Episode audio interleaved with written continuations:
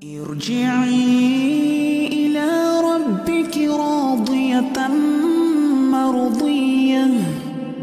فادخلي في عبادي. وادخلي جنتي.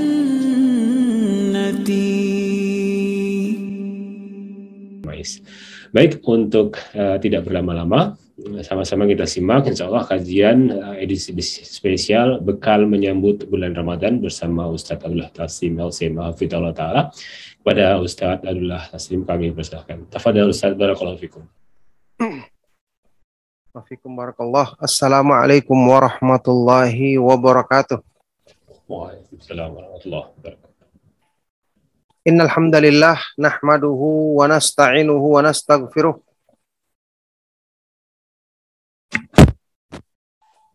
Wa na'udzu billahi min syururi anfusina wa min sayyiati a'malina. May yahdihillahu fala mudhillalah wa may yudlil fala hadiyalah. Wa asyhadu an la ilaha illallah wahdahu la syarikalah واشهد ان محمدا عبده ورسوله اللهم صل وسلم وبارك على نبينا محمد وعلى اله وصحبه wa man tabi'ahu ila yaumiddin amma ba'du. Alhamdulillah Ma'asyiral ikhwah wal akhwat fid din rahimakumullah. Para ikhwan dan akhwat peserta kajian sahabat ilmu Darmais yang semoga senantiasa dimudahkan rahmat Allah Subhanahu wa taala.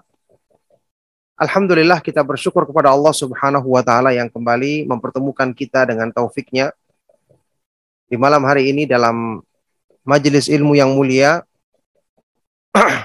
kajian tentang bekal menyambut Ramadan ya yang seharusnya kajian rutin kita membahas kita fikih, al-asmaul husna fikul asmaul husna buah karya dari Syekh Abdul Razak hafizahullah taala. Tapi karena ini berhubungan dengan Ramadan yang tinggal beberapa hari lagi insya Allah maka kita selipkan di tengah-tengah kajian rutin kita pembahasan kajian tematik tentang bekal menyambut bulan Ramadan.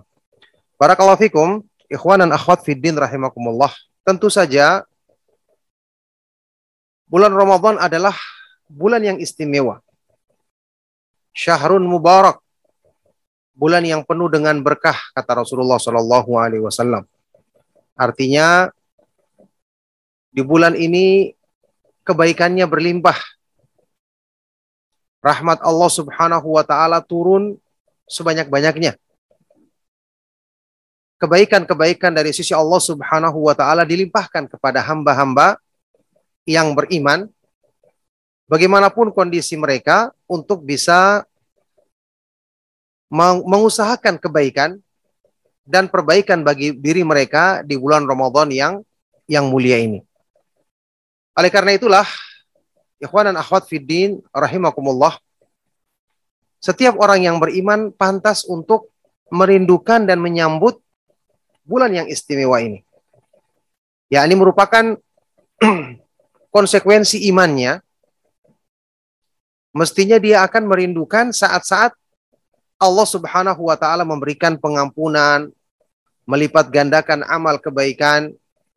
Saat-saat Allah Subhanahu wa taala menjanjikan kemudahan Allah Subhanahu wa taala menerima amal-amal kebaikan seorang hamba, kemudahan pengampunan, pembebasan dari api neraka dan berbagai macam kemuliaan yang semua ini ada di bulan Ramadan.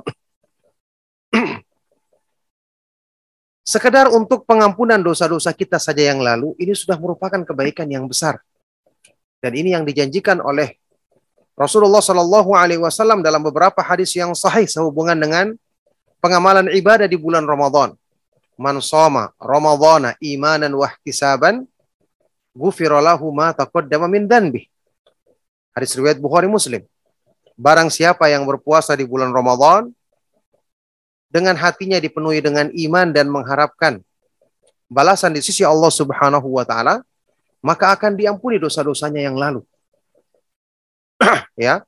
Kemudian hadis riwayat Bukhari Muslim lainnya dengan lafaz man qama ramadhana imanan wahtisaban ghufira lahu ma taqaddama min dhanbi. Barang siapa yang menegakkan ibadah di bulan Ramadan dalam keadaan hatinya dipenuhi dengan iman dan mengharapkan ganjaran balasan di sisi Allah Subhanahu wa taala maka akan diampuni dosa-dosanya yang telah lalu.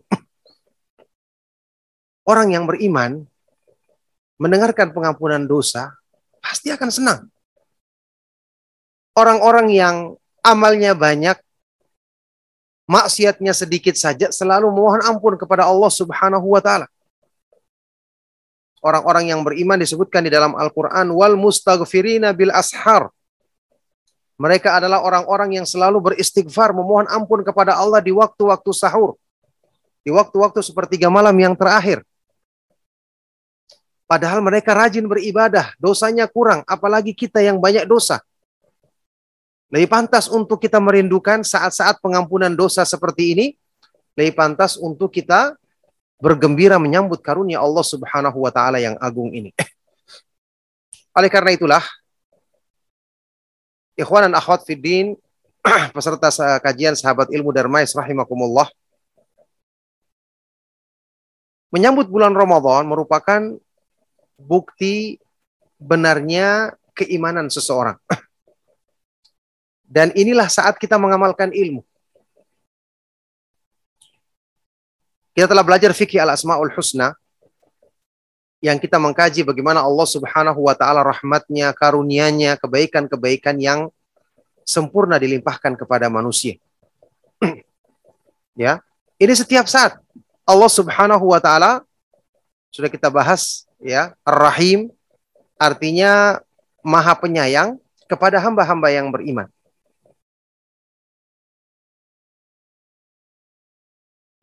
Kemudian rahmat dan kasih sayang Allah Subhanahu wa taala ini dilimpahkan secara diturunkan secara berlimpah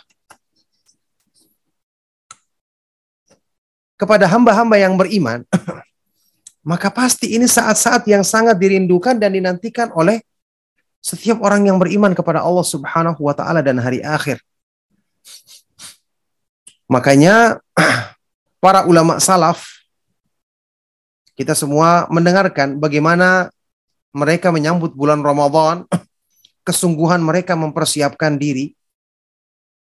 Ini adalah bulan kita mengamalkan ilmu yang selama ini kita pelajari. Tidak asing bagi kita di dalam kitab Lataiful Ma'arif nukilan dari Imam Ibnu Rajab Al-Hambali dari pernyataan seorang ulama terdahulu Al-Mu'alla Ibnul Fadl yang mengatakan kanu yad'una Allah azza wa jalla sittata ashhurin ayyuballighahum syahra Ramadan thumma yad'unahu ba'da dhalika sittata ashhurin ayyataqabbala minhum. Dulunya mereka orang-orang yang soleh senantiasa berdoa kepada Allah Subhanahu wa taala setengah tahun enam bulan sebelum datangnya bulan Ramadan mereka berdoa agar diperjumpakan dengan bulan Ramadan setelah itu mereka berdoa kepada Allah Subhanahu wa taala enam bulan berikutnya setelah Ramadan agar amal-amal mereka diterima selama bulan Ramadan. Kita perhatikan, ya, enam bulan sebelum datangnya berdoa diperjumpakan. Setelah selesai Ramadan berdoa lagi enam bulan agar diterima amalnya. Jadi doa mereka tidak pernah lepas dari Ramadan sepanjang tahun. Begitu istimewanya bulan Ramadan. Ikhwan dan akhwat fiddin rahimakumullah ya. Bertemu dengan hamba yang dipilih oleh Allah Subhanahu wa taala musim kebaikan yang merupakan musim kebaikan terbesar dalam Islam ini memang sesuatu yang istimewa. Bertemu dalam keadaan hati kita dipenuhi dengan iman. Mengharapkan kebaikan dari Allah Subhanahu wa taala dan pantas Orang yang mengenal Allah pasti pengharapannya semua tertuju kepada Allah karena di tangannya lah segala kebaikan. Itu kan nama Allah Subhanahu wa taala yang sudah pernah kita bahas As-Samad ya. Yasmudu ilaihil khalaiqu bihawaijihim. Semua makhluk menghadapkan diri kepada Allah Subhanahu wa taala dengan segala hajat dan kebutuhan mereka. Kalau dalam kehidupan kita sehari-hari setiap saat kita selalu menghadapkan diri kepada Allah Allah Subhanahu wa taala memohon rahmatnya, pengampunannya, memohon karunia-Nya, apalagi ketika Allah sendiri yang menyatakan ya, di saat-saat limpahan rahmatnya berlipat ganda lebih daripada di waktu-waktu sebelumnya. Bukankah ini sesuatu yang istimewa? Allah Subhanahu wa taala sebagaimana dia melebihkan sebagian dari makhluknya, manusia misalnya, lebih dibandingkan sebagian yang lain.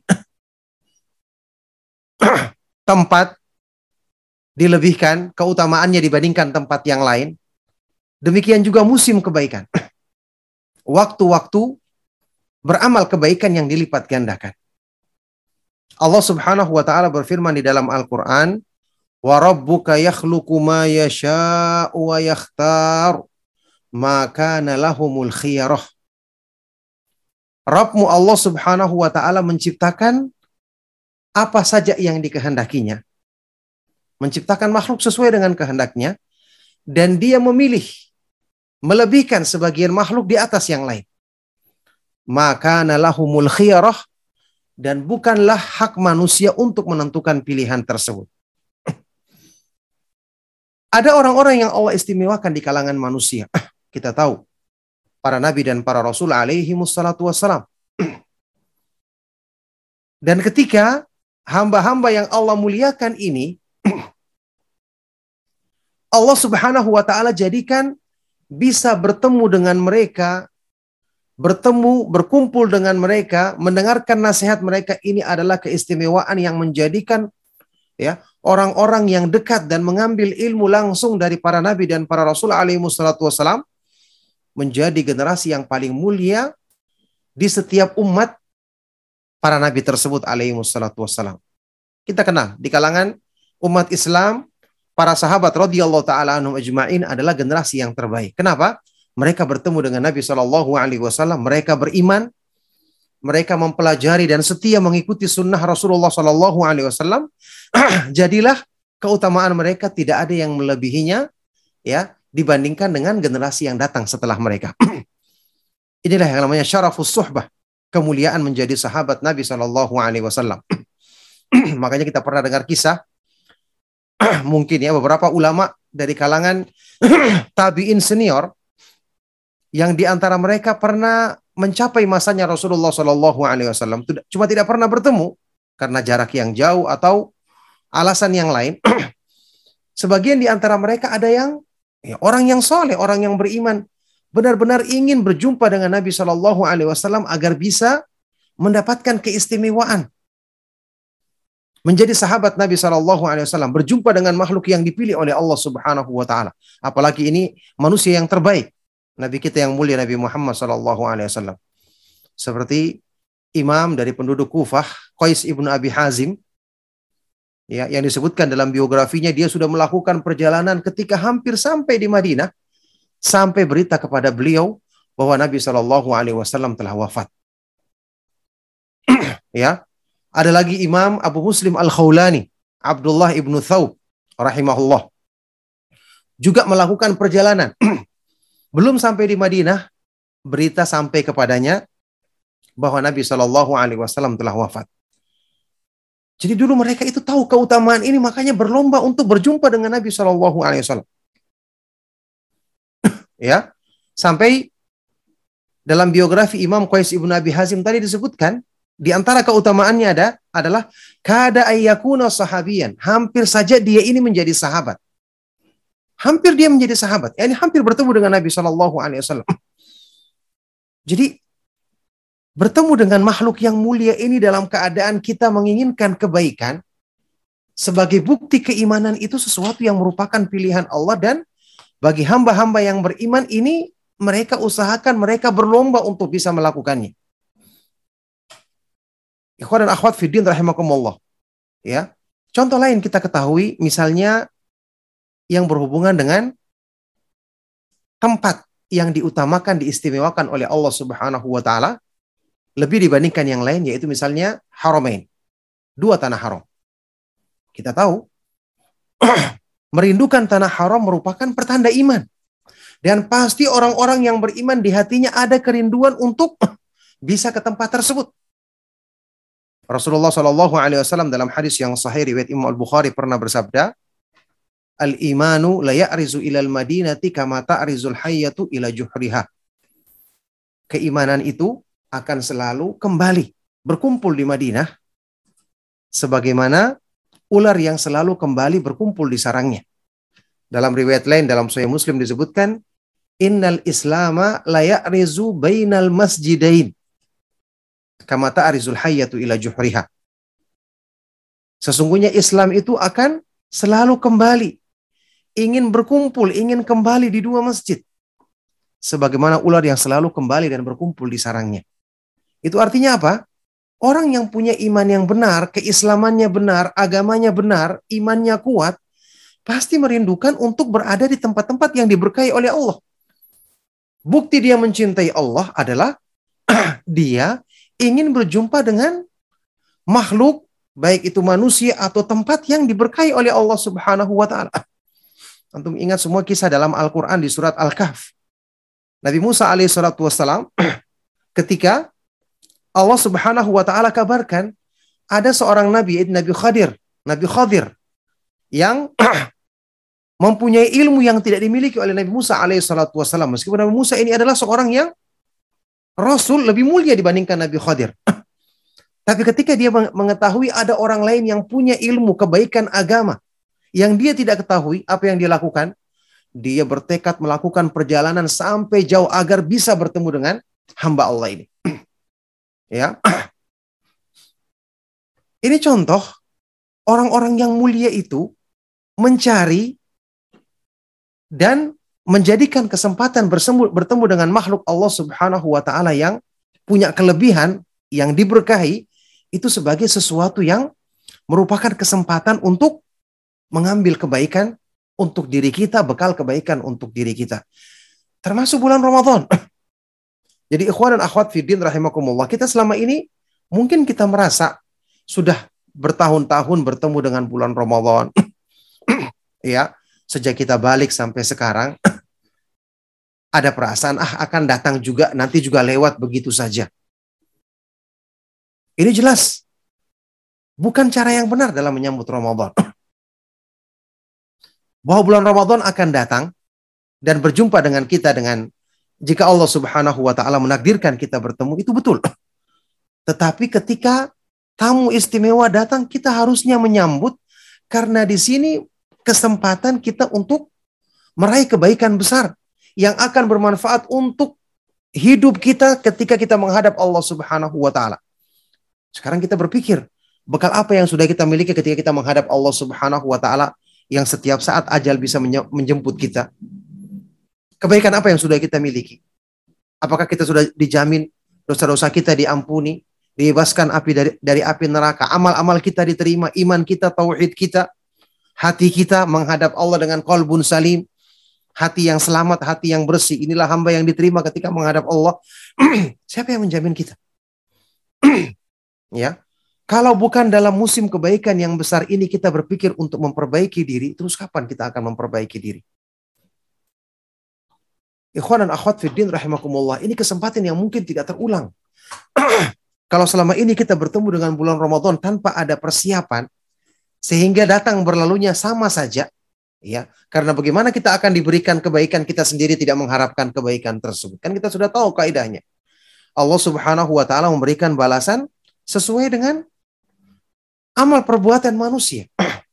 Allah Subhanahu wa taala memberikan kebaikan sesuai dengan bagaimana kita sendiri mengharapkan dan mempersiapkan diri untuk mendapatkan kebaikan tersebut. Kalau tidak ada persiapan sama sekali Coba kita pernah dengar hadis Rasulullah Shallallahu Alaihi Wasallam sehubungan dengan bulan Ramadan. hadis yang asalnya terdapat dalam Sahih Muslim, ketika Nabi Shallallahu Alaihi Wasallam berdoa di atas mimbar, ya mengucapkan amin tiga kali di atas mimbar, ternyata malaikat Jibril datang kepada Nabi Wasallam mengucapkan doa dan diaminkan oleh Nabi Shallallahu Alaihi Wasallam. Tiga permintaan, di antaranya yang disebutkan dalam sebagian lafaz Ragima anfu abdin adrakahu syahru Ramadan, thumman salakha minhu walam yugfar lahu. Celakalah seorang hamba Dia berjumpa dengan bulan Ramadan, kemudian Ramadan berlalu dalam keadaan belum diampuni dosa-dosanya. Celaka, didoakan keburukan oleh malaikat Jibril dan diaminkan oleh Nabi Shallallahu Alaihi Wasallam. Kira-kira doa ini seperti ini bagaimana? Doa yang diucapkan oleh malaikat Jibril, malaikat yang terbaik, diaminkan oleh Rasul yang terbaik, manusia yang terbaik, Nabi yang terbaik, Nabi Muhammad Shallallahu Alaihi Wasallam. Doa yang tentu saja akan dekat dengan pengabulan Allah Subhanahu wa taala. Dan yang didoakan di antaranya adalah orang yang berjumpa dengan bulan Ramadan masuk dan keluar keluarnya sama, tidak dapatkan pengampunan. Ini mungkin yang terjadi pada Ramadan yang di, di, di apa ini dialami oleh kebanyakan manusia karena tidak ada persiapan. Tidak ada pengharapan. Orang yang beriman, kita yang sudah mengenal, sudah belajar tentang nama-nama dan sifat-sifat Allah. ya, yang kita tahu semua kebaikan yang kita harapkan ada di tangannya. Keburukan-keburukan, kejelekan-kejelekan yang kita selalu berusaha menghindarkan diri darinya. Hanya Allah Subhanahu wa taala yang Maha Kuasa melindungi kita darinya. Harusnya saat ini kita berpikir untuk mengamalkan ilmu di saat-saat seperti ini. Makanya Ramadan ini dengan segala hikmah dan kebaikannya merupakan kabar gembira. Berita gembira bagi setiap orang yang beriman. Dan ini kita harus bawa. Karena kita orang yang beriman adalah orang yang optimis dengan kebaikan-kebaikan dari sisi Allah subhanahu wa ta'ala. kita tahu pengharapan kita, rasa takut kita, sesuai dengan inilah Allah subhanahu wa ta'ala akan memberikan kebaikan-kebaikan yang kita harapkan dan keburukan-keburukan yang kita takutkan akan Allah Subhanahu wa taala jauhkan dari kita sesuai dengan besarnya rasa takut kita. Jadi kalau orang tidak punya pengharapan, tidak punya rasa takut, ya sudah berarti dia tidak peduli. Ingat sabda Rasulullah Shallallahu Alaihi Wasallam dalam sebuah hadis yang diriwayatkan oleh Imam Ahmad ibnu Majah dan yang lainnya dinyatakan Hasan oleh Syekh Al-Albani rahimahullah taala. Kisah tentang seorang sahabat yang berkata kepada Nabi Shallallahu Alaihi Wasallam, Ya Rasulullah, inni la arjullah wa akhafu dhunubi. Wahai Rasulullah, sesungguhnya aku benar-benar mengharapkan pahala dari Allah, mengharapkan rahmat Allah, dan aku takutkan dosa-dosaku. Ketika mendengarkan ini, apa kata Rasulullah SAW? La yajtami'ani fi qalbi rajulin, fi qalbi abdin, fi mithli hadzal mautin illa a'tahu Allahu ma yarju wa am, wa aminahu mimma yakhaf. wa amanahu mimma yakhaf. Demi Allah yang jiwaku di tangannya, tidaklah terkumpul dua sikap ini. Takut dan berharap kepada Allah. Pada diri seorang hamba, kecuali Allah akan berikan apa yang diharapkan hamba ini, dan Allah akan selamatkan dia dari apa yang ditakutkannya. Subhanallah. Allah Subhanahu wa taala zat yang maha mencintai hamba-hamba yang selalu berdoa berharap kepadanya. Optimis dalam kebaikan selama dia bersandar kepada Allah Subhanahu wa taala yang dia maha mencintai orang-orang yang berlindung kepadanya dari segala keburukan dalam keadaan hamba ini mengetahui meyakini tidak ada yang bisa melindungi dirinya kecuali Allah Subhanahu wa taala. Ini kan semua pengamalan tauhid. Ini kan semua pengamalan dari nama-nama dan sifat-sifat Allah Subhanahu wa taala yang sudah kita kaji di kajian-kajian rutin kita. Jadi saatnya musim kebaikan besar di bulan Ramadan kita manfaatkan dengan sebaik-baiknya untuk dapatkan bagian dari keberkahan dan limpahan rahmat Allah Subhanahu wa taala yang memang Allah Subhanahu wa taala dengan sifatnya yang maha pemurah mempersiapkan dan menjadikan musim ini sebagai kesempatan bagi hamba-hambanya untuk mendapatkan bagian dari karunia-karunia Allah Subhanahu wa taala yang besar dan berlimpah yang diturunkannya di bulan yang penuh dengan keberkahan ini. Oleh karena itulah Ma'asyiral ikhwa wal akhwat fid din rahimakumullah para ikhwan dan akhwat peserta kajian sahabat ilmu Darmais hafidhakumullah pantas kalau saat ini kita luangkan waktu kita untuk mempersiapkan iman, berdoa kepada Allah, mempersiapkan keikhlasan, ya, menguatkan pengharapan kita dan rasa takut kita kepada Allah. Pantas untuk kita mewujudkan penghambaan diri kita dengan mengakui kekurangan-kekurangan diri kita, kelemahan-kelemahan diri kita, bahwa kita akan binasa kalau seandainya Allah Subhanahu wa taala tidak memberikan rahmatnya kepada kita. Pantas kita renungkan sejenak, berdoa agar diperjumpakan dengan bulan Ramadan yang penuh dengan keberkahan untuk kita mendapatkan bagian dari kebaikan tersebut. Kalau dulu para ulama, orang-orang yang soleh sebelum kita telah melakukannya jauh-jauh hari, di waktu yang tersisa, pantas untuk kita menyerupai mereka. Menunjukkan kesungguhan kita. Ya, oleh karena itu, persiapan niat, persiapan ikhlas, mempersiapkan, menguatkan pengharapan dan optimis kepada Allah Subhanahu wa taala. Bersangka baik kepada Allah, ana inda dhanni abdi bi. Hadis yang sahih riwayat Bukhari Muslim. Allah Subhanahu wa taala berfirman, aku ini sesuai dengan persangkaan atau pengharapan hambaku kepada aku, menguatkan rasa takut kepada Allah. Kemudian tentu saja mempersiapkan ilmu fikih tentang Ramadan, bagaimana berpuasa di bulan Ramadan, bagaimana melaksanakan ibadah di bulan Ramadan, adab-adab yang berhubungan dengan puasa yang benar. Ini kita semakin semangat mempersiapkan diri, menunjukkan kita bersungguh-sungguh menyambut rahmat Allah Subhanahu wa taala. Yang seperti ini pasti akan mendapatkan bagian besar dari limpahan rahmatnya. Ini harusnya kita lakukan di saat-saat ini.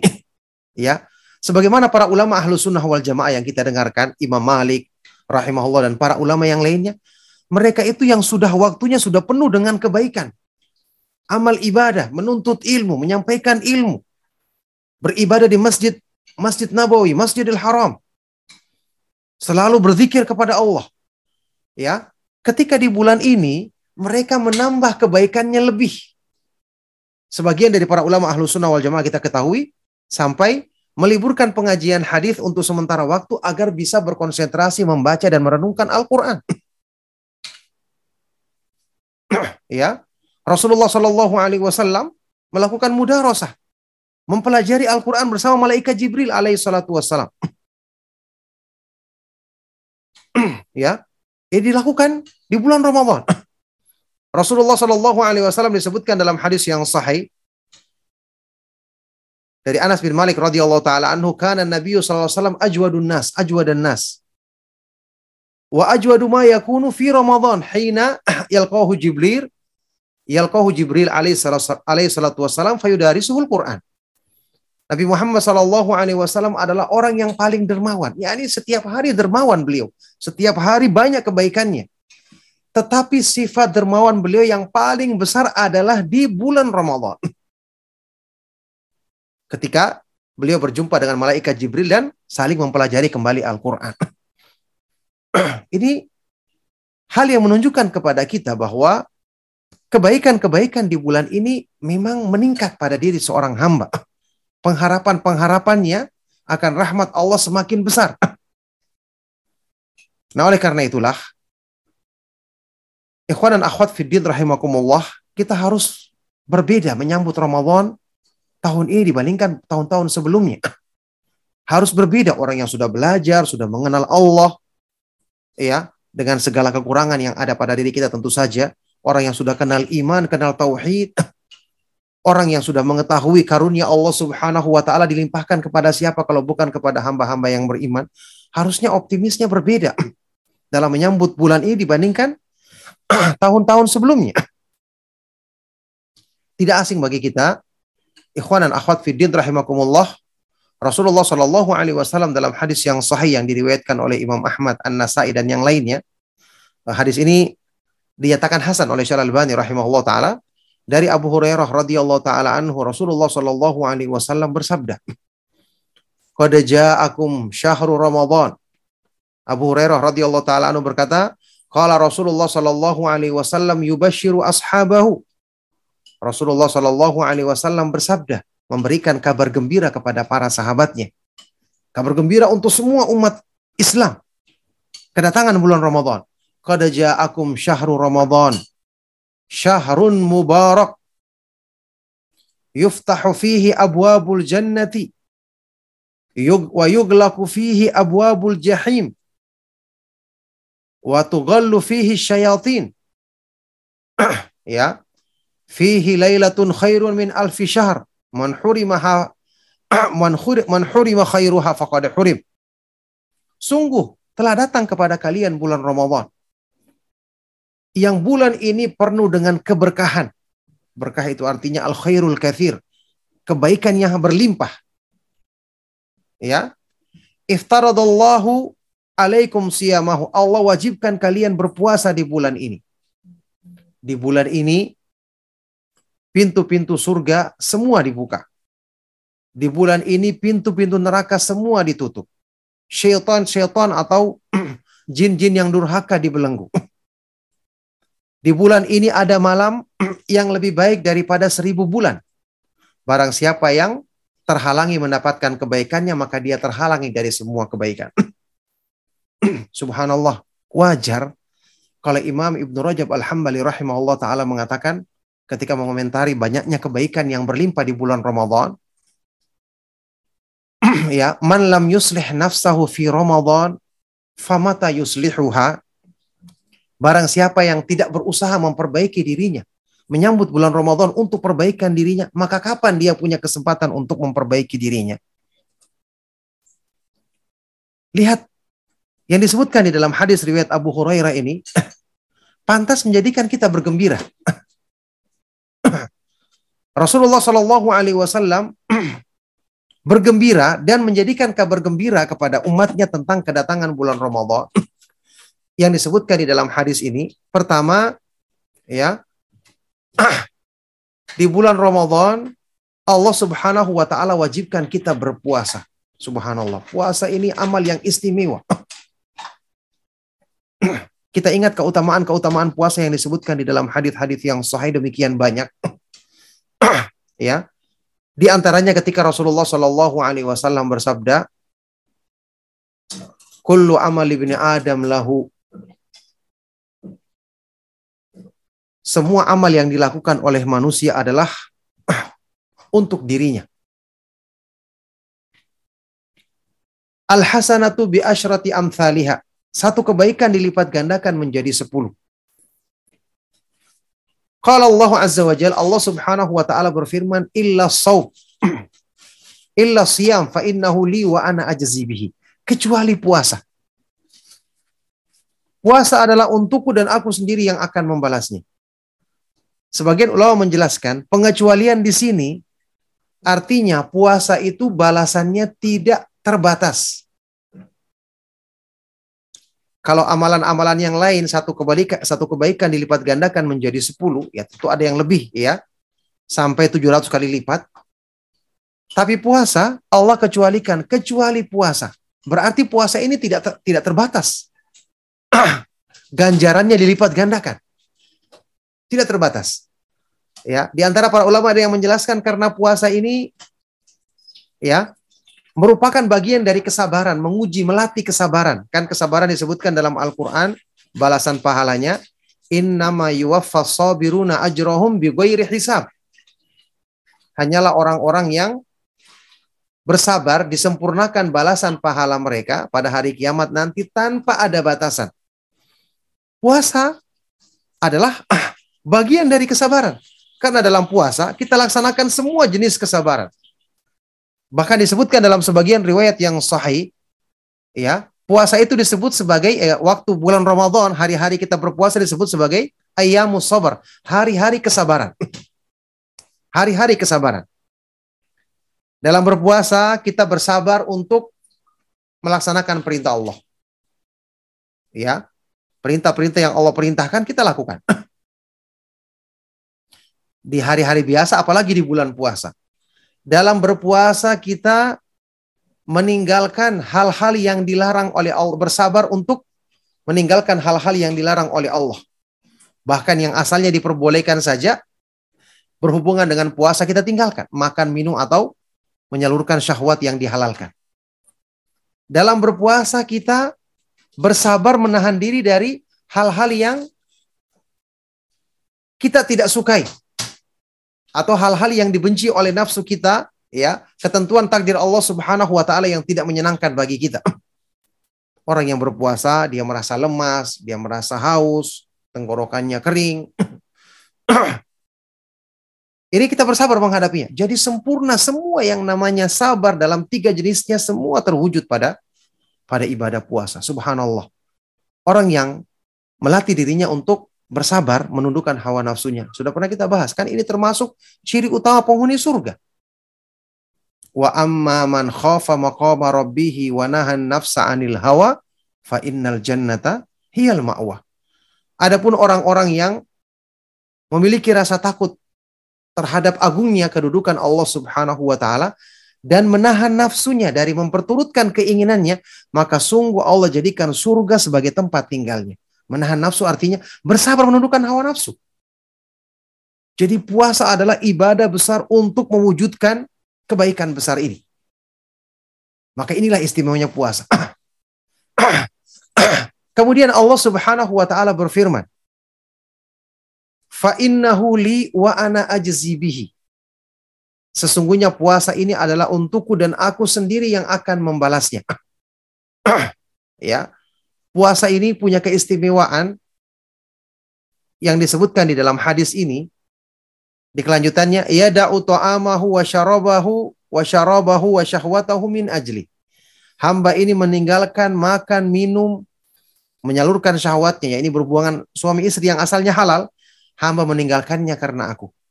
Subhanallah ini perbuatan ini hampir tidak didapatkan pada ibadah-ibadah yang lain.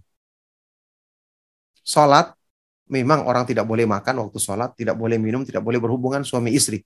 Tapi waktunya sholat berapa lama? Tidak lama. berapa menit kita laksanakan sholat? Ya paling lama setengah jam mungkin, sholat lima waktu. Taruhlah kalau dengan sholat sunnahnya dan seterusnya, tidak akan sampai satu jam ya. Kita meninggalkan waktunya sebentar. Ibadah haji atau umroh waktu berihram, kita tidak boleh melakukan hubungan intim juga suami istri. Tapi boleh makan dan boleh minum. Puasa, kita tinggalkan semua itu karena Allah dan waktunya lama. Dari terbit fajar sampai matahari terbenam. Masya Allah ini keistimewaan. Makanya Allah jadikan puasa ini khusus untukku dan aku sendiri yang akan membalasnya. Sampai-sampai ada sebagian para ulama yang berpendapat tentang makna hadis kursi ini, yaitu ibadah puasa ini pahalanya tidak bisa mengalami pengurangan atau pengguguran. ya. Tidak akan bisa mengalami pengguguran. Maksudnya, nanti pada hari kiamat ketika amal-amal ibadah yang lain mungkin ada yang diberikan kepada yang lain karena hamba ini pernah membolimi orang lain, mengambil haknya, akhirnya diganti dengan pahala amalnya, kecuali puasa. Karena puasa ini Allah subhanahu wa ta'ala yang akan berikan langsung balasannya kepada hamba tersebut, kemudian Allah masukkan dia ke dalam surga. Makanya Allah berfirman, ya, illa siyam fa innahu li wa ana ajzi bihi. Kecuali puasa, puasa ini adalah khusus untukku dan aku sendiri yang akan memberikan memberikan balasan untuknya. Subhanallah, ini keutamaan dan keistimewaan yang sangat besar.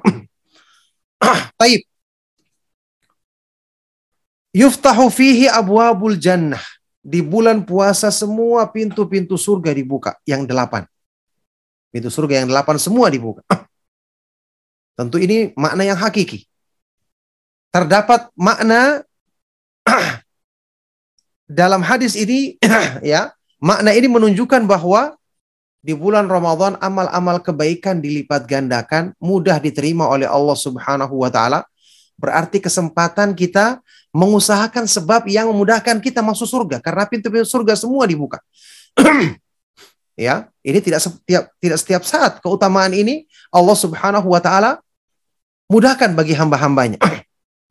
Makanya orang yang semangat beramal kebaikan, rajin beramal di bulan Ramadan, dia akan gembira sekali. Karena di hari-hari biasa saja, dia sudah semangat, apalagi ketika mendengarkan kabar gembira, dilipat gandakannya amal-amal kebaikan dan mudah untuk mengusahakan sebab yang menjadikan kita tercatat sebagai penghuni surga, insya Allah.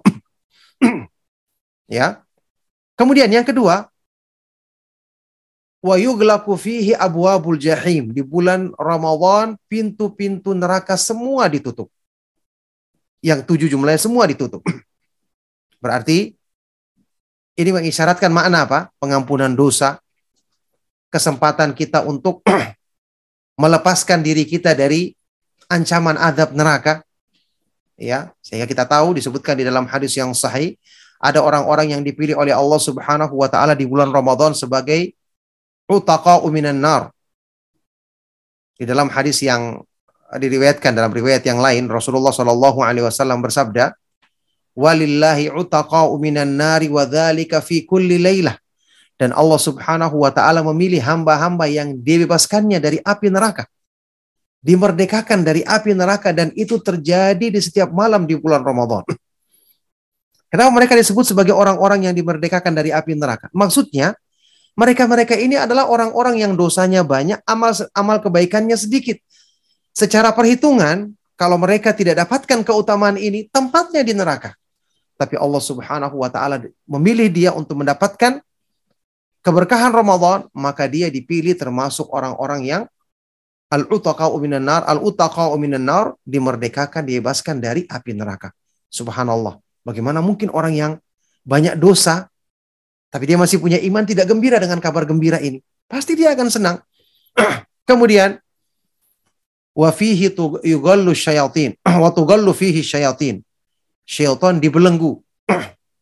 Jin-jin yang durhaka yang suka menjerumuskan manusia dibelenggu di bulan Ramadan. Sehingga mereka tidak leluasa menggoda manusia seperti di hari-hari yang lainnya.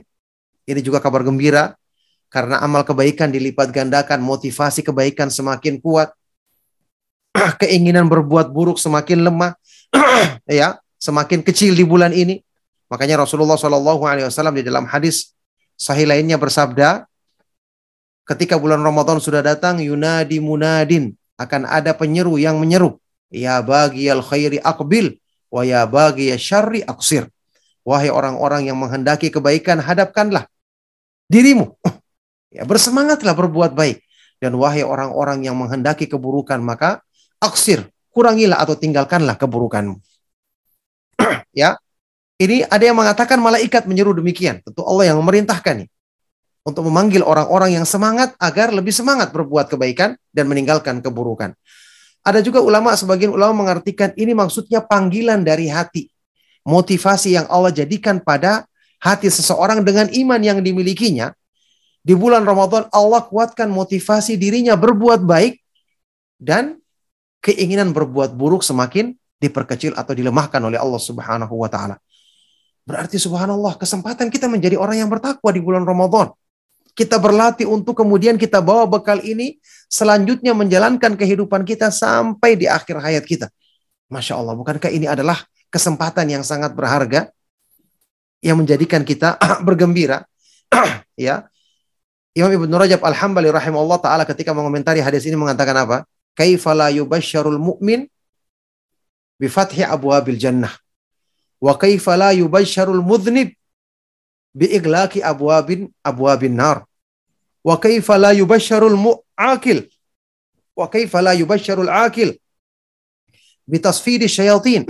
Bagaimana mungkin orang yang beriman tidak gembira dengan pintu-pintu surga dibuka? Kesempatan dia meningkatkan imannya, memperbanyak kebaikannya. Dan bagaimana mungkin orang-orang yang banyak dosa tidak gembira mendengarkan pintu-pintu neraka semua ditutup. Kesempatan dia mendapatkan pengampunan dosa, pembebasan dari api neraka. Wa kaifa la yubasyarul akil dan bagaimana mungkin orang yang berakal tidak gembira mendengarkan berita syaitan yang dibelenggu ya sehingga kesempatan dia untuk bisa melatih dirinya menjadi orang yang selalu semangat berlomba-lomba dalam kebaikan dan selalu meninggalkan perbuatan buruk. Subhanallah yang seperti ini kebaikan yang pastinya dirindukan oleh setiap orang yang beriman. Siapa di antara kita yang terus-menerus ingin tetap dalam kelalaian, tetap tidak rajin-rajin ibadah, tetap banyak berbuat dosa, tetap dengan keadaannya yang seperti saat ini yang padahal kita semua mengikuti kajian, belajar akidah, belajar iman, mengenal fikih asmaul husna bukankah untuk meningkatkan ketakwaan kita, menambah motivasi kita dalam beribadah. Kapan kita bisa mencapai semua ini? Sekarang kesempatan di bulan Ramadan Allah tawarkan kepada kita. Keistimewaan ini kita akan bisa dapatkan kalau kita bersungguh-sungguh untuk mempersiapkan diri dan kemudian berusaha untuk mengejar dan meraihnya. Ya ini kesempatan untuk perbaikan diri tersebut. Makanya benar-benar apa yang disebutkan dalam hadis ini kabar gembira yang luar biasa bagi orang-orang yang beriman. ya, ditambah lagi dengan kelanjutan hadis ini apa kata Rasulullah SAW? Fihi lailatun khairun min alfi syahr. Di bulan Ramadan ini terdapat malam Lailatul Qadar yang lebih baik daripada seribu bulan. Man hurima khairuha faqad hurim. Barang siapa yang dihalangi dari kebaikan malam ini, maka dia berarti dihalangi dari semua kebaikan. Bulan Ramadan dipilih sebagai musim kebaikan yang terbaik. Di antaranya adalah karena adanya malam Lailatul Qadar. Di samping di bulan ini banyak ibadah-ibadah yang besar dan istimewa. Di bulan Ramadan ada puasa yang termasuk rukun Islam, ada zakat fitr. Setelah Ramadan berakhir langsung ada hari raya Idul Fitri. Makanya Idul Adha 10 hari awal Dhul Hijjah kan diberitakan juga dalam hadis yang sahih sebagai musim kebaikan yang terbaik. Dalam hadis riwayat Imam Bukhari, Rasulullah SAW bersabda, Ma min ayyamin al-amalu salih al-amalu salihu fiha ahabbu ilallahi min hadhil ayyamil ashar. Tidak ada hari-hari atau musim kebaikan yang ketika itu amal soleh lebih dicintai oleh Allah melebihi 10 hari awal bulan Dhul Hijjah. Berbeda pendapat para ulama antara 10 hari awal Dhul Hijjah dan 10 hari akhir Ramadan. Mana yang lebih utama? Yang jelas kedua-duanya menghimpun ibadah-ibadah yang agung. 10 hari awal Dhul Hijjah kan pelaksanaan ibadah haji. Bahkan ibadah-ibadah haji yang paling utama rukunnya dilaksanakan di waktu itu. Dan di hari ke-10 ada sholat idul adha. Sama di akhir akhir 10 Ramadan. Ada pelaksanaan ibadah puasa sendiri, sholat juga kita laksanakan, ada zakat fitr, ada malam Lailatul Qadar di situ. Kemudian berakhir bulan Ramadan langsung berikutnya satu Syawal pelaksanaan Idul Fitri. Subhanallah. Jadi ini semua yang menjadikan istimewa musim-musim kebaikan besar ini. Makanya di bulan Ramadan ya musim kebaikan yang berlimpah yang hendaknya kita berlomba-lomba untuk bisa meraih keutamaan tersebut dengan mempersiapkan diri berdoa kepada Allah Subhanahu wa taala agar dimudahkan untuk berjumpa dengan bulan Ramadan dan meraih keberkahan-keberkahan dan keutamaan-keutamaan yang maksimal di dalamnya. Tapi barakallahu fikum, sedikit tambahan lagi ini juga masih panjang yang kita ingin jelaskan tapi karena waktu yang berhubungan dengan ibadah puasa ya. Kita ingatkan ini karena berhubungan dengan satu kemuliaan yang sangat besar yaitu yang disebutkan di dalam hadis Rasulullah Shallallahu Alaihi Wasallam ya Rasulullah Shallallahu Alaihi Wasallam bersabda keutamaan orang yang berpuasa walisaimi farhatani yafrahuhuma orang yang berpuasa akan merasakan dua kegembiraan yang dia bergembira di waktu itu Idza aftara fariha wa idza laqiya rabbahu fariha. Gembira dia ketika berbuka puasa karena dia telah menyempurnakan ibadahnya. Karena Allah halalkan. Yang tadinya diharamkan kemudian Allah halalkan, maka dia gembira. Ya, mendapatkan izin dari Allah Subhanahu wa taala kebolehan untuk makan dan minum setelah sebelumnya dilarang. Kemudian dan dia bergembira ketika berjumpa Allah pada hari kiamat nanti dengan puasanya. Kita tahu, berjumpa Allah, memandang wajahnya ini adalah karunia terbesar yang Allah berikan kepada penghuni surga. ya. Inilah kegembiraan orang yang berpuasa. Dia membawa puasanya maka dia bergembira berjumpa dengan Allah Subhanahu wa taala. Dan ingat siapa yang gembira ketika berjumpa dengan Allah maka Allah akan gembira berjumpa dengannya. Bukankah Rasulullah Shallallahu alaihi wasallam bersabda, "Man ahabba Allahi ahabballahu liqa'ahu." Barang siapa yang mengharapkan mencintai perjumpaan dengan Allah, maka Allah mencintai perjumpaan dengannya. Balasan dari jenis perbuatan. Orang yang berpuasa dapatkan keistimewaan ini, subhanallah, luar biasa. Orang-orang yang beriman, ya, Mereka itu menjadikan saat-saat dekat dan berjumpa dengan Allah, memandang wajah Allah ini adalah saat yang paling istimewa. Makanya kenikmatan ini melebihi semua kenikmatan yang ada di surga. Ini sudah kita sebutkan hadisnya dan sudah kita bahas beberapa kali di kajian kita yang lalu. Lihat saja di akhir surat Al-Kahfi, Allah Subhanahu wa taala berfirman, "Faman kana yarju liqa'a rabbih falyamal amalan salihan wa la yusyrik bi ibadati rabbih ahada." Maka barang siapa yang mengharapkan perjumpaan dengan Robnya, hendaknya dia mengamalkan amalan soleh. Seperti puasa, yang keutamaannya telah dijaminkan seperti ini. Dan hendaknya dia jangan menyekutukan Allah subhanahu wa ta'ala dengan sesuatu apa pun. Subhanallah, kalau kita ingin bahas keutamaan puasa, keutamaan bulan Ramadan, belum lagi ibadah-ibadah yang lain, membaca Al-Quran, belum lagi bersedekah, memberikan buka bagi orang yang berpuasa, ya, belum lagi yang berhubungan membaca Al-Quran, berzikir, subhanallah, ini keutamaan yang sangat berlimpah. ya, bulan Al-Quran, merenungkan Al-Quran, ini keutamaannya demikian banyak. Benar-benar pantas kalau kita mempersiapkan diri, meluangkan waktu kita untuk mempersiapkannya, dan berusaha untuk mengambil kesempatan sebaik-baiknya di waktu yang tidak begitu lama ini, supaya nanti kita keluar dari bulan Ramadan dalam keadaan tidak merugi, kita dapatkan keutamaan dan keberkahannya yang maksimal, kita akan menjadi orang-orang yang beruntung yang setelah itu akan menjalankan hidupnya di atas kebaikan insya Allah kemudian kita bertemu Allah Subhanahu wa taala dalam keadaan diridhoinya. Kita tahu bersama ibadah puasa kan disebutkan ya ayyuhalladzina amanu kutiba alaikumus siyamu kama kutiba alal ladzina min qablikum la'allakum tattaqun. Wahai orang-orang yang beriman, diwajibkan bagi kamu berpuasa sebagaimana diwajibkan bagi orang-orang sebelummu agar kamu menjadi orang-orang yang bertakwa. Ini yang kita harapkan dan ini yang akan menjadi sebab bermanfaatnya hidup kita sampai di akhir hayat kita sampai kita menghadap Allah Subhanahu wa taala pada hari kiamat nanti. Barakallahu fikum. Ma'asyiral ikhwa wal akhwat fid din rahimakumullah. serta kajian sahabat ilmu Darmais. Demikianlah ya nasihat atau bekal menyambut Ramadan yang ingin saya sampaikan di kesempatan malam hari ini. Semoga bermanfaat dan bisa menjadi renungan bagi kita semua meskipun tentu kebanyakannya banyak hal-hal yang diulang dan alhamdulillah pengulangan ilmu, pengulangan kebaikan bukanlah sesuatu yang tercela bahkan ini bermanfaat. Wadakir fa inna tanfaul mu'minin. Berilah peringatan karena peringatan itu bermanfaat bagi orang-orang yang beriman. Mudah-mudahan menjadi motivasi kebaikan bagi kita untuk menyambut bulan Ramadan dengan sebaik-baiknya. Mohon maaf jika ada hal-hal yang salah ya atau kurang berkenan. Di waktu yang tersisa saya persilakan jika ada hal-hal yang ingin antum tanyakan sehubungan dengan materi ataupun hal-hal yang di luar materi. Sallallahu wasallam wa baraka ala nabiyina Muhammad wa ala alihi wa sahbihi ajma'in walhamdulillahi rabbil alamin. Nah, barakallahu fikum.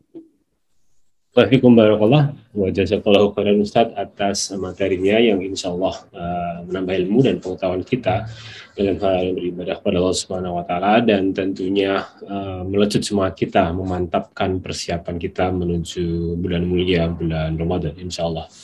Dan uh, kami sampaikan kembali khususnya bagi jamaah yang baru bergabung baru saja kita simak kajian uh, bekal menuju bulan Ramadan yang disampaikan oleh Ustaz Abdullah Taslim Al-Sima Taala yang uh, barusan kita simak uh, kajian spesial pada edisi Selasa uh, malam dari sahabat Pemuda Mais. Untuk selanjutnya kita masuk ke sesi selanjutnya. Insya Allah masih ada waktu untuk uh, tanya jawab. Seperti biasa, uh, kita berikan kesempatan. Silahkan dituliskan ke kolom chat atau juga uh, raise hand secara langsung. Kami ingatkan kembali, Afan sebelumnya, bagi Bapak Ibu jamaah yang bertanya secara langsung, mohon to the point dan singkat untuk memberikan kesempatan jemaah lain yang sudah memberikan pertanyaan yang cukup banyak di kolom chat. Uh, sekali lagi mohon singkat dan to the point uh, pada sesi tanya jawab untuk memberikan kesempatan pada jemaah lain yang bertanya. Kesempatan pertama insya Allah kami berikan kepada uh, yang sudah hand kepada Abu Mods. Uh, silakan di Ya, Assalamualaikum warahmatullahi wabarakatuh. Waalaikumsalam warahmatullahi wabarakatuh. Ya, uh, uh, mau nanya tentang uh, mungkin uh, masih bingung ya terkait dengan apa uh, yang disampaikan oleh Ustadz Abdullah Tasnim tentang itu uh, menyambut apa uh, bulan Ramadan itu. Apakah tadi dengan uh, kita ber, uh, seperti yang dilakukan oleh salaf itu mereka berdoa uh, dengan uh, sepenuh hati agar bisa bertemu dengan uh, bulan Ramadan, kemudian bisa melaksanakan ibadah dengan sebaik-baiknya itu, atau mungkin uh, ada yang lain saya mungkin agak agak kurang jelas tentang itu. Terus yang kedua, uh, misalnya ada orang yang melakukan dosa-dosa besar gitu, kemudian dia pada saat uh, masuk bulan Ramadan kemudian meninggal di bulan Ramadannya itu sedangkan dia uh, masih belum bertaubat dengan itu apakah uh, dia juga berhak untuk mendapatkan uh, ampunan dari Allah atas semua dosa-dosa besarnya itu? Jazakallahu khair. Assalamualaikum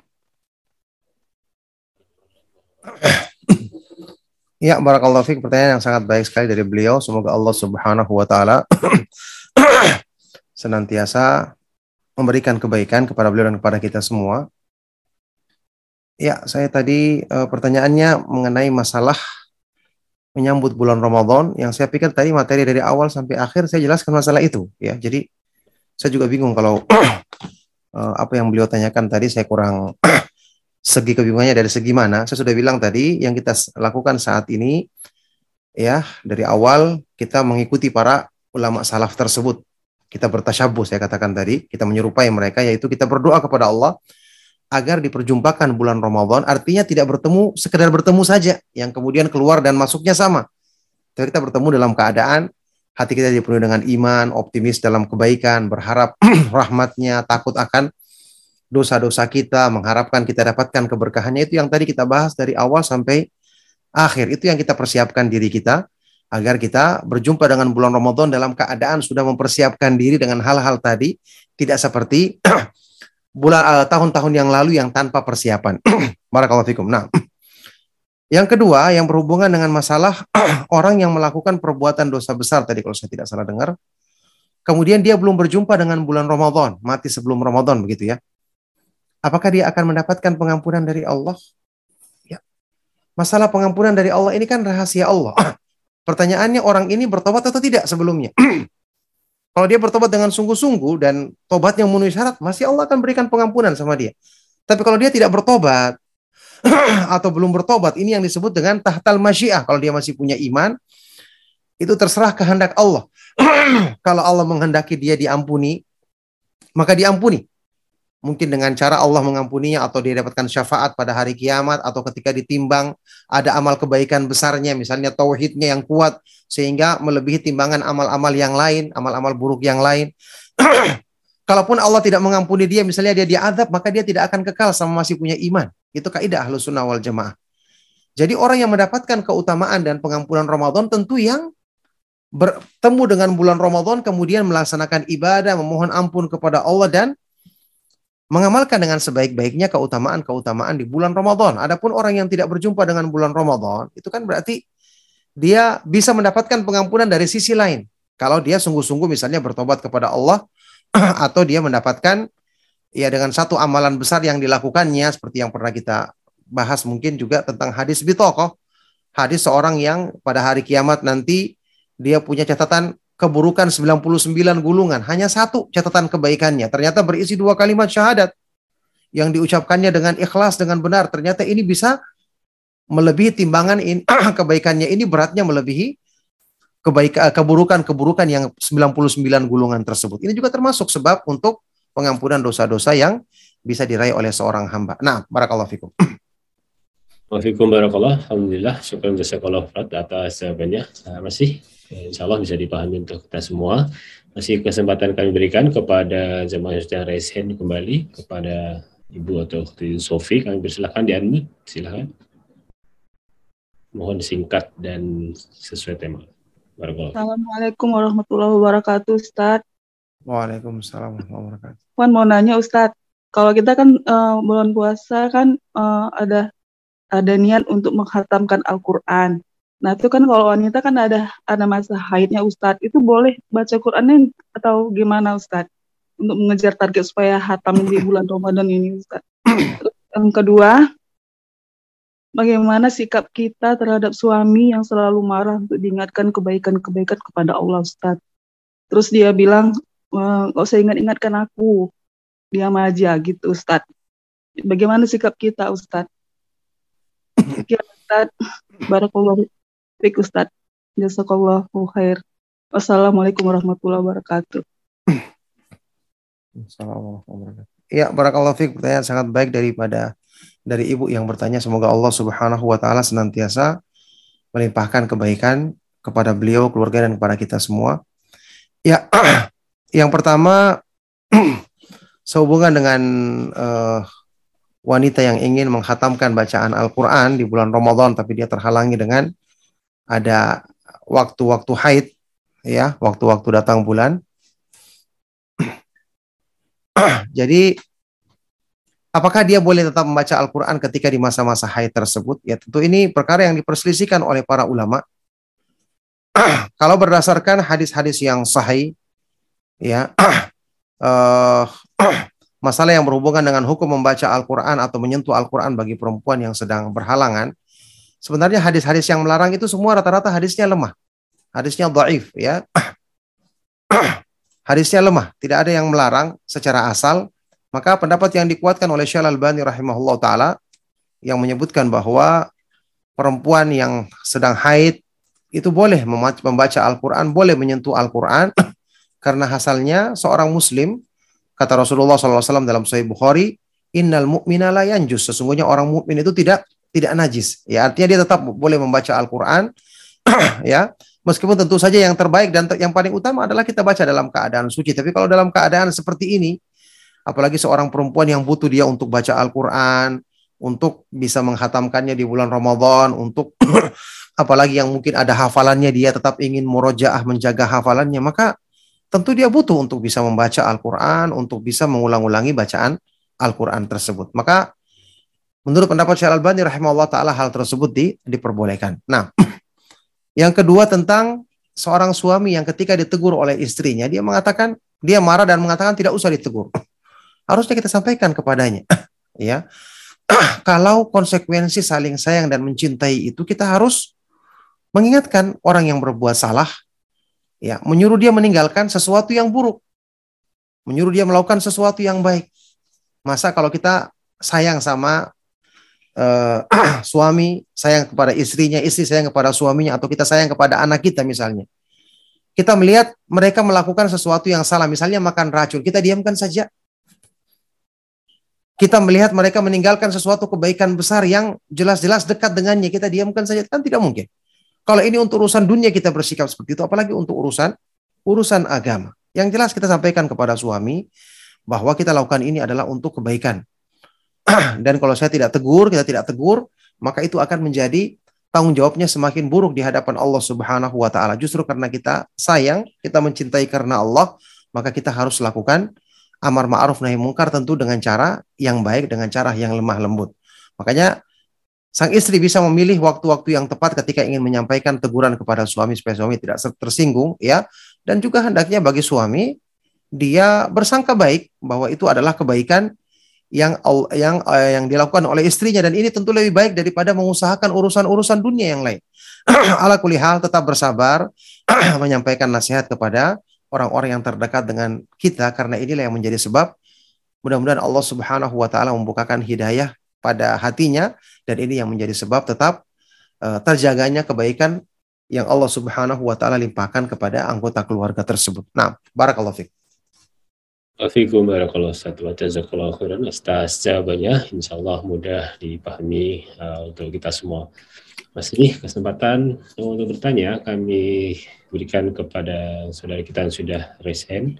Selanjutnya kepada uh, saudara Fadil, mohon uh, di unmute silahkan. Assalamualaikum warahmatullahi wabarakatuh, Ustadz. Waalaikumsalam warahmatullahi wabarakatuh. Dalam puasa kita terkadang lupa. Kalau misalnya lupa terus tiba-tiba makan gitu kan biasanya masih dimaklumin. Tapi kalau lupanya sering makannya sering gitu hukumnya gimana Ustadz? Terus yang kedua kalau misalnya bermain saham yang tiap hari harganya bisa naik turun gitu hukumnya gimana? Itu aja Ustadz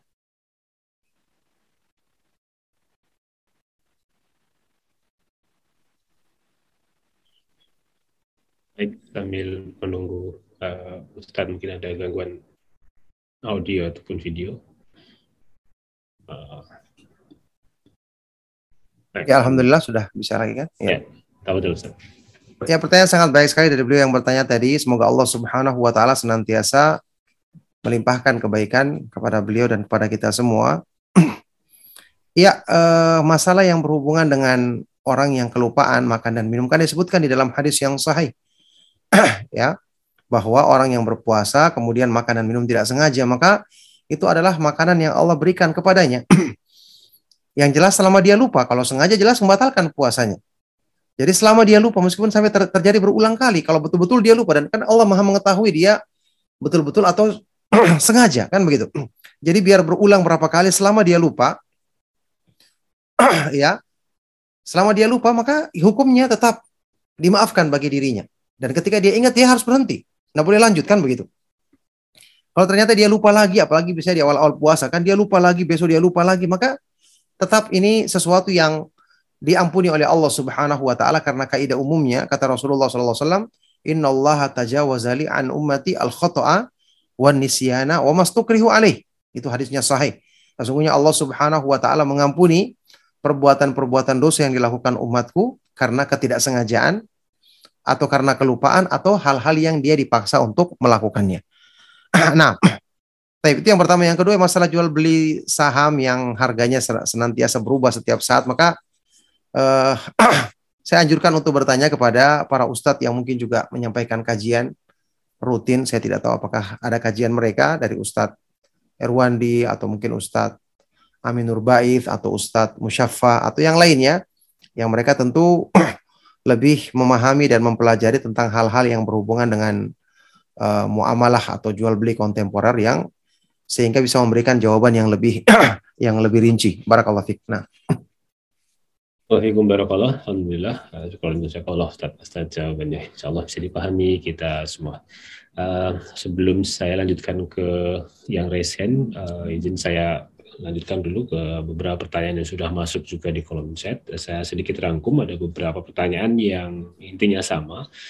Uh, Assalamualaikum Ustaz, izin bertanya, uh, bagaimana batasan uh, kapan dan bagaimana caranya mengganti puasa yang belum dibayar utang puasa pada tahun lalu, sementara sudah mau datang uh, puasa Ramadan pada tahun ini. Barakallahu fikum. Ya, Ofik barakallah, pertanyaan sangat baik sekali. Semoga Allah Subhanahu wa taala senantiasa memudahkan kebaikan bagi antum yang bertanya dan juga untuk kita semua. Iya, utang puasa yang belum dibayar sementara sekarang sudah dekat Ramadan, ini justru kita yang bertanya, kenapa belum dibayar? Ini kan kesalahan dan kelalaian. Ini utang dan tanggungan kita kepada Allah Subhanahu wa taala harusnya kita bersegera. Ini utang yang wajib masalahnya. ini karena kelalaian, ya kalau karena kelalaian dan tidak ada udur ini maka ini sesuatu yang tercelah. Yang namanya kewajiban itu kita harus segera lakukan. Makanya Begitu selesai puasa Ramadan, ketika ada tanggungan-tanggungan kita, kita mulai harusnya sudah mikirkan di bulan Syawal kita menyicilnya sedikit demi sedikit kita bayar utang tersebut agar segera berakhir. Oleh karena itulah pendapat yang terkuat di, di antara pendapat para ulama tentang puasa Syawal yang enam hari itu harus ditunaikan dulu kewajibannya. Utangnya dibayar dulu. Kalaupun tidak tertunaikan yang sunnah, yang penting yang wajib sudah ditunaikan. Ya, ala kulihal harusnya dia berusaha untuk segera. Ada sebagian orang yang salah paham dengan riwayat yang sahih pernyataan Aisyah radhiyallahu taala anha bahwa dia bis, hanya bisa membayar utangnya di bulan Sya'ban. Ini dipahami berarti boleh kita melonggar-longgarkan bayarnya di bulan Sya'ban. Ini salah. Aisyah radhiyallahu taala anha dalam hadis ini mengatakan la astati'u aku tidak mampu membayarnya kecuali di bulan Sya'ban. Berarti dia ada udur. Ada alasan. Bukan bermudah-mudah. Kalau bermudah-mudah ini salah karena kewajiban itu yang namanya perintah itu yaqtadi fi'lal ma'mur alal faur. Mengharuskan kita melaksanakan perintah itu dengan segera. Namanya kewajiban kita harus segera. Namanya ini tanggungan kita, ibaratnya utang kita. Kalau kita ada kemampuan harusnya segera kita tunaikan, bukan ditunda-tunda. Maka ini merupakan kesalahan yang fatal. Ala kulli hal kalau masih bisa untuk dibayar saat ini di waktu yang tersisa lakukan. Kalaupun tidak maka ya setelah Ramadan nanti ber, ber, tetap waktunya kita bisa membayarnya ya dan tentu kita jangan sampai diulang lagi kesalahan dan kelalaian tadi menunda-nunda untuk membayar utang tersebut. Nah, barakallahu fikum. Barakallah. Alhamdulillah, insya Allah jelas dan bisa dipahami kita semua. Kembali kesempatan kami berikan kepada uh, jamaah yang sudah resen. Mohon singkat kepada sahabat kita Sukarda Arda. Silahkan di unmute.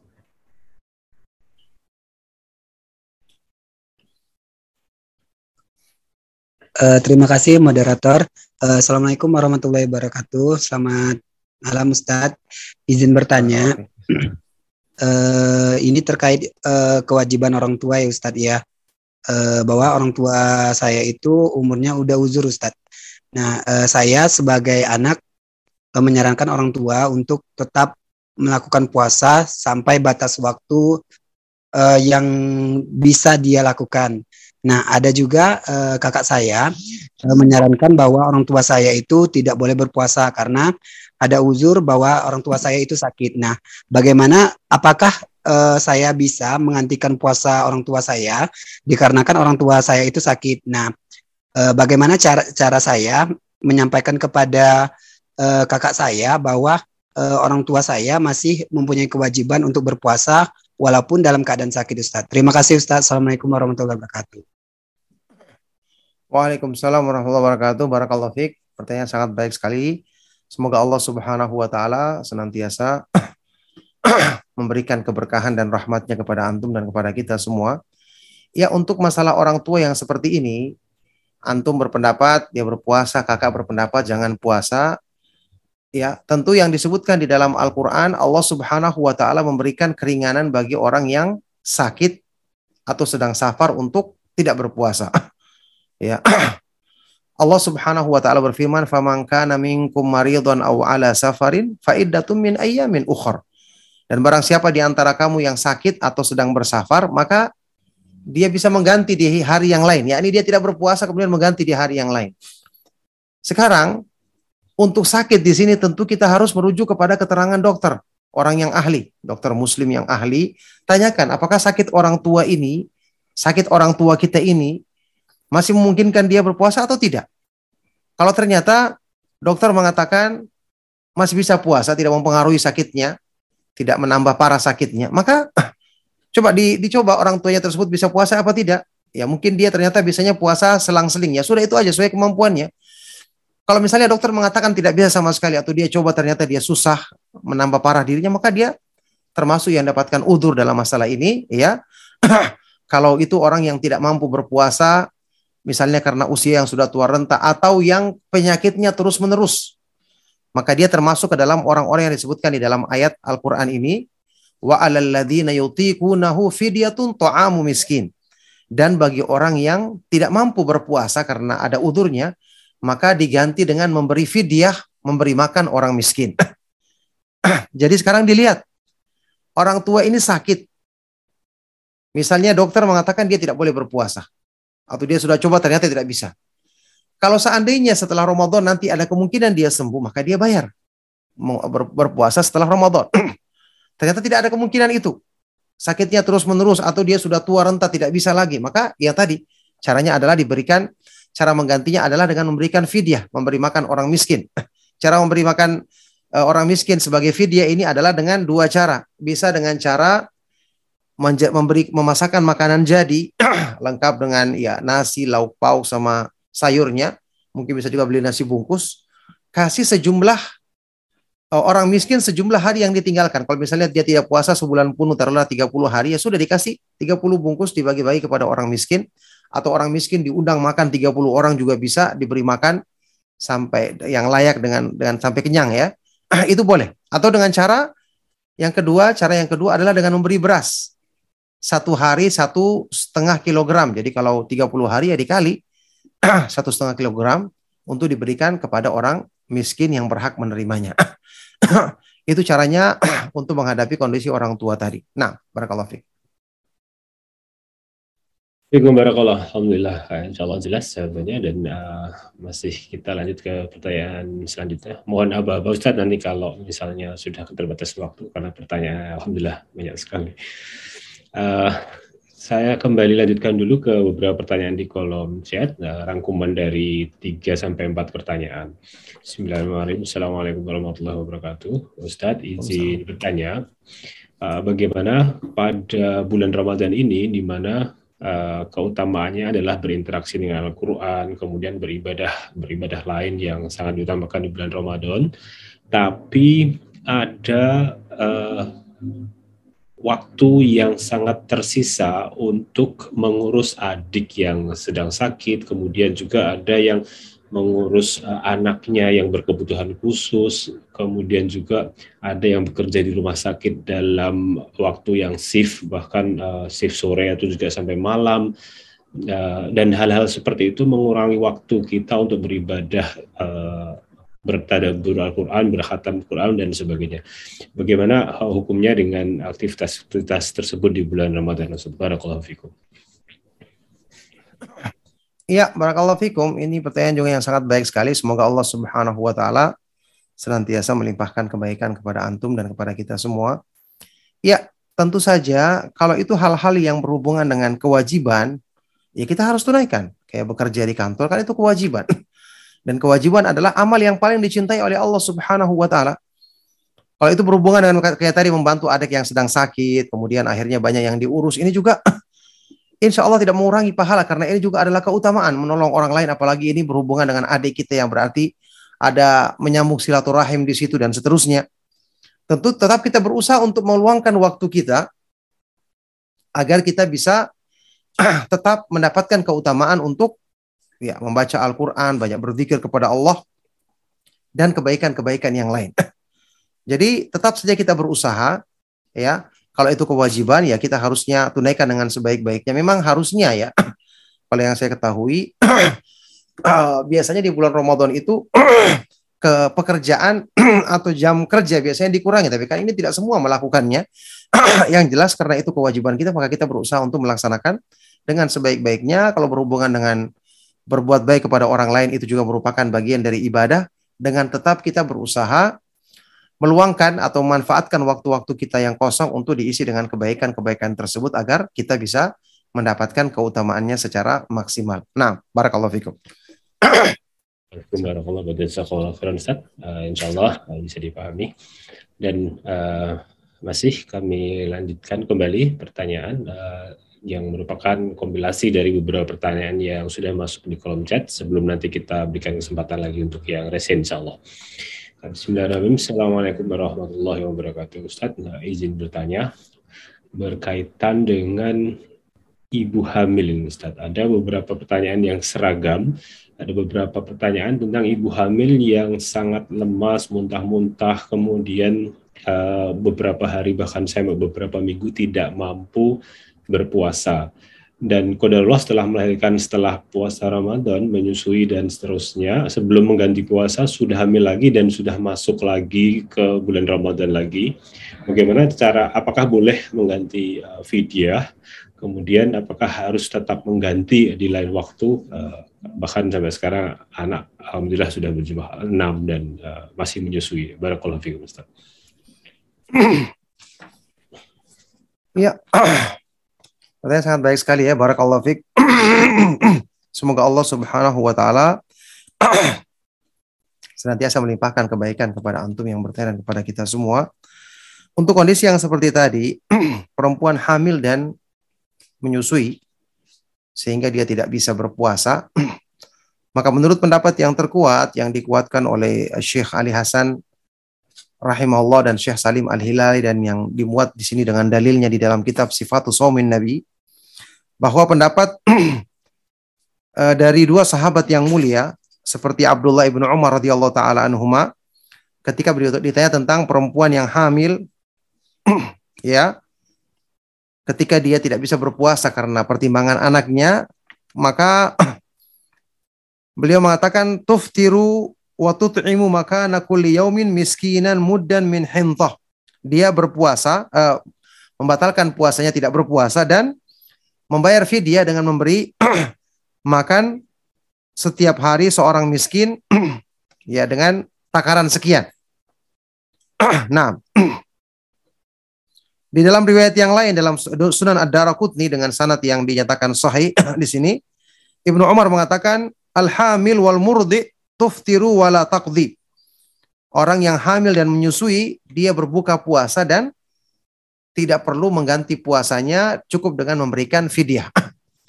Ini juga pendapat dari sahabat yang mulia Abdullah ibnu Abbas radhiyallahu taala anhuma. Jadi untuk perempuan yang seperti tadi keadaannya dia cukup ya ketika tidak bisa berpuasa di bulan Ramadan maka dia membayar fidyah seperti yang tadi saya jelaskan untuk uh, orang yang tidak mampu ya wa alal ladzina yutiqunahu fidyatun ta'amu miskin dan bagi orang yang tidak mampu melaksanakan ibadah puasa termasuk orang yang hamil dan menyusui tadi maka dia memberi bayar fidyah yaitu memberikan makan untuk orang miskin seperti yang tadi saya jelaskan di jawaban sebelumnya. Nah, barakallahu fikum. Assalamualaikum warahmatullahi wabarakatuh atas uh, jawabannya.